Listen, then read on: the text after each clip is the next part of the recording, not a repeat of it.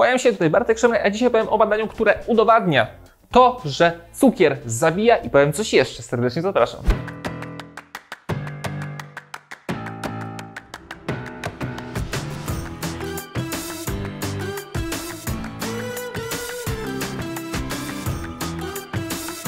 Oczywiście zanim przejdę do głównego tematu nagrania, przypomnę tylko, że to Ty decydujesz o tym, które kanały się rozwijają. Każde Twoje udostępnienie, dodanie komentarza, polubienie filmu pomaga robić progres danemu twórcy, więc jeżeli uważasz, że moje treści są wartościowe, bardzo proszę, zrób jedną z tych trzech albo wszystkie trzy czynności. A my już przechodzimy do nagrania. Badanie, na podstawie którego nagrywam ten film, trwało 15 lat. Sprawdzono prawdopodobnie około kilkudziesięciu tysięcy ludzi i z tego badania wynika, że spożywanie cukru powodowało o 16% niecałe większą śmiertelność na choroby z układem, związane z układem sercowo-naczyniowym. Tylko teraz uwaga, zanim ktokolwiek mnie oceni, bardzo proszę, zobaczcie ten film do końca, dlatego że to, co powtarzam bardzo często od kilku lat, powtarzam nadal, to nie substancja zabija, tylko jej ewentualny nadmiar może zabić.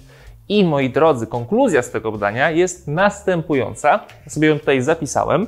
Dorośli spożywają więcej cukru dodanego niż jest zalecane w zdrowej diecie. Zaobserwowaliśmy istotny związek między spożyciem dodanego cukru a zwiększonym ryzykiem śmiertelności z powodu chorób z układem sercowo-naczyniowym.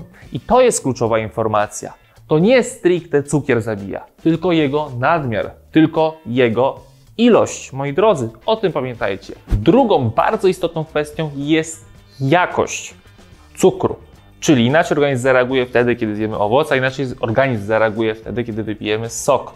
Pamiętajcie też, że soki mają bardzo często cukier dosypany, szczególnie fruktozę. I niestety, ale mając pod uwagę, biorąc pod uwagę glukozę i fruktozę, to jednak fruktoza, ta szczególnie dosypywana, ma dużo większe predyspozycje, nazwijmy to do tego, żeby powodować na przykład tycie. No Bartek, ale skoro badanie pokazało, że jak się je więcej cukru, to jest 15-16% większa śmiertelność u osób na choroby sercowo-naczyniowe, no to tak jest czy tak nie jest? No tak jest, tylko ten film ma przede wszystkim pokazać to, że to nie jest jedna tylko i wyłącznie substancja, która zabija, tylko jej ewentualnie nadmiar.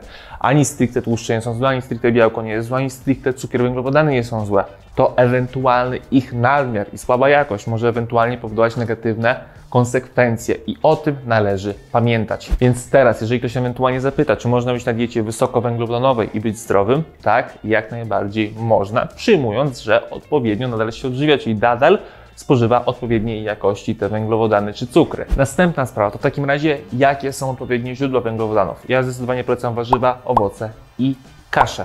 Nie polecam absolutnie pić soków, nawet jeżeli one są wyciskane przez nas, nadal nie polecam soku. To Bartek, jeżeli Ty zawsze mówisz, że dieta ketogeniczna jest super, że diety niskowęglowodanowe są super, a teraz mówisz, że węglowodany nie zabijają, to zaraz jesteś zwolennikiem diety wysokowęglowodanowej.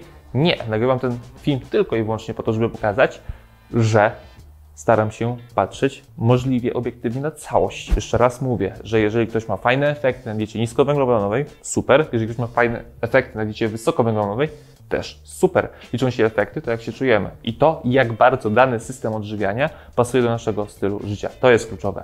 Nie ma diety najlepszej, jest ta najlepiej dopasowana do danej osoby i to jest kluczowe. Z tego badania wynika, że to nie tłuszcz jest winowajcą chorób z układem sercowo-naczyniowym. I pamiętajcie też, że mówiąc o tłuszczu, to możemy mówić o nierafinowanym oleju kokosowym, możemy mówić o na przykład awokado jako źródle tłuszczu, możemy mówić o rafinowanym oleju rzepakowym albo margarynie. To jest pojęcie, które można szeroko objąć i staram się w każdym moim filmie to jak najbardziej chociaż troszeczkę poruszać. W każdym razie pamiętajcie, że jest ogromna różnica między spożywaniem tłuszczu na przykład właśnie z oleju kokosowego, a z oleju rzepakowego czy z margaryny. Nie jest rozwiązaniem na choroby z układem sercowo-naczyniowym ani ograniczenie tłuszczu, ani ograniczenie węglowodanów. Rozwiązanie jest dużo szersze, o tym nagrałem już moich kilka filmów, szczególnie ten o cholesterolu, który serdecznie polecam. W każdym razie nagram kolejne, które pokazują szerszy obraz tej choroby, a jest to bardzo ważne, bo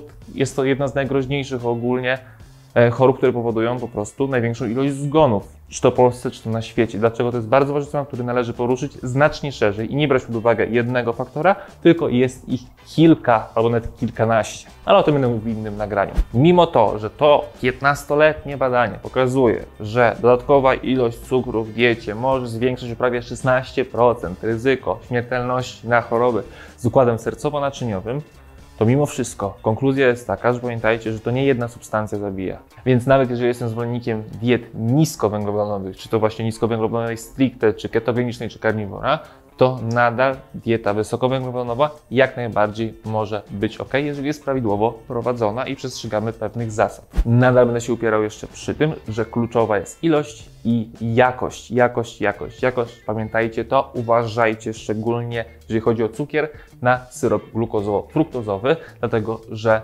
to robi masakrę w naszym organizmie. O tym też oczywiście nagram inny film. Jeżeli macie jakiekolwiek pytania, bardzo proszę zadawajcie je w komentarzach lub piszcie na kontakt małpastrefaprzemian.pl. Bardzo chętnie pomożemy i mamy nadzieję, jak najszybciej rozwiążemy Wasze problemy. Pamiętajcie o możliwości sprawdzenia czy to przepisów, czy to menu, czy to treningów na naszej stronie strefaprzemian.pl wystarczy się zarejestrować na bezpłatne konto i można sobie testować do woli. Pamiętajcie również w naszej grupie Pomagamy w odchudzeniu bez hejtu i kompleksów. To jest ponad 40 tysięcy osób, które sobie pomaga, inspiruje, motywuje. Dołącz do nich, będzie po prostu łatwiej w tym całym procesie pracowania nad sobą. Mam nadzieję, ten film Wam troszeczkę rozjaśnił podejście do odżywiania i mam nadzieję, widzimy się w kolejnym. Pozdrawiam, kłaniam się, cześć.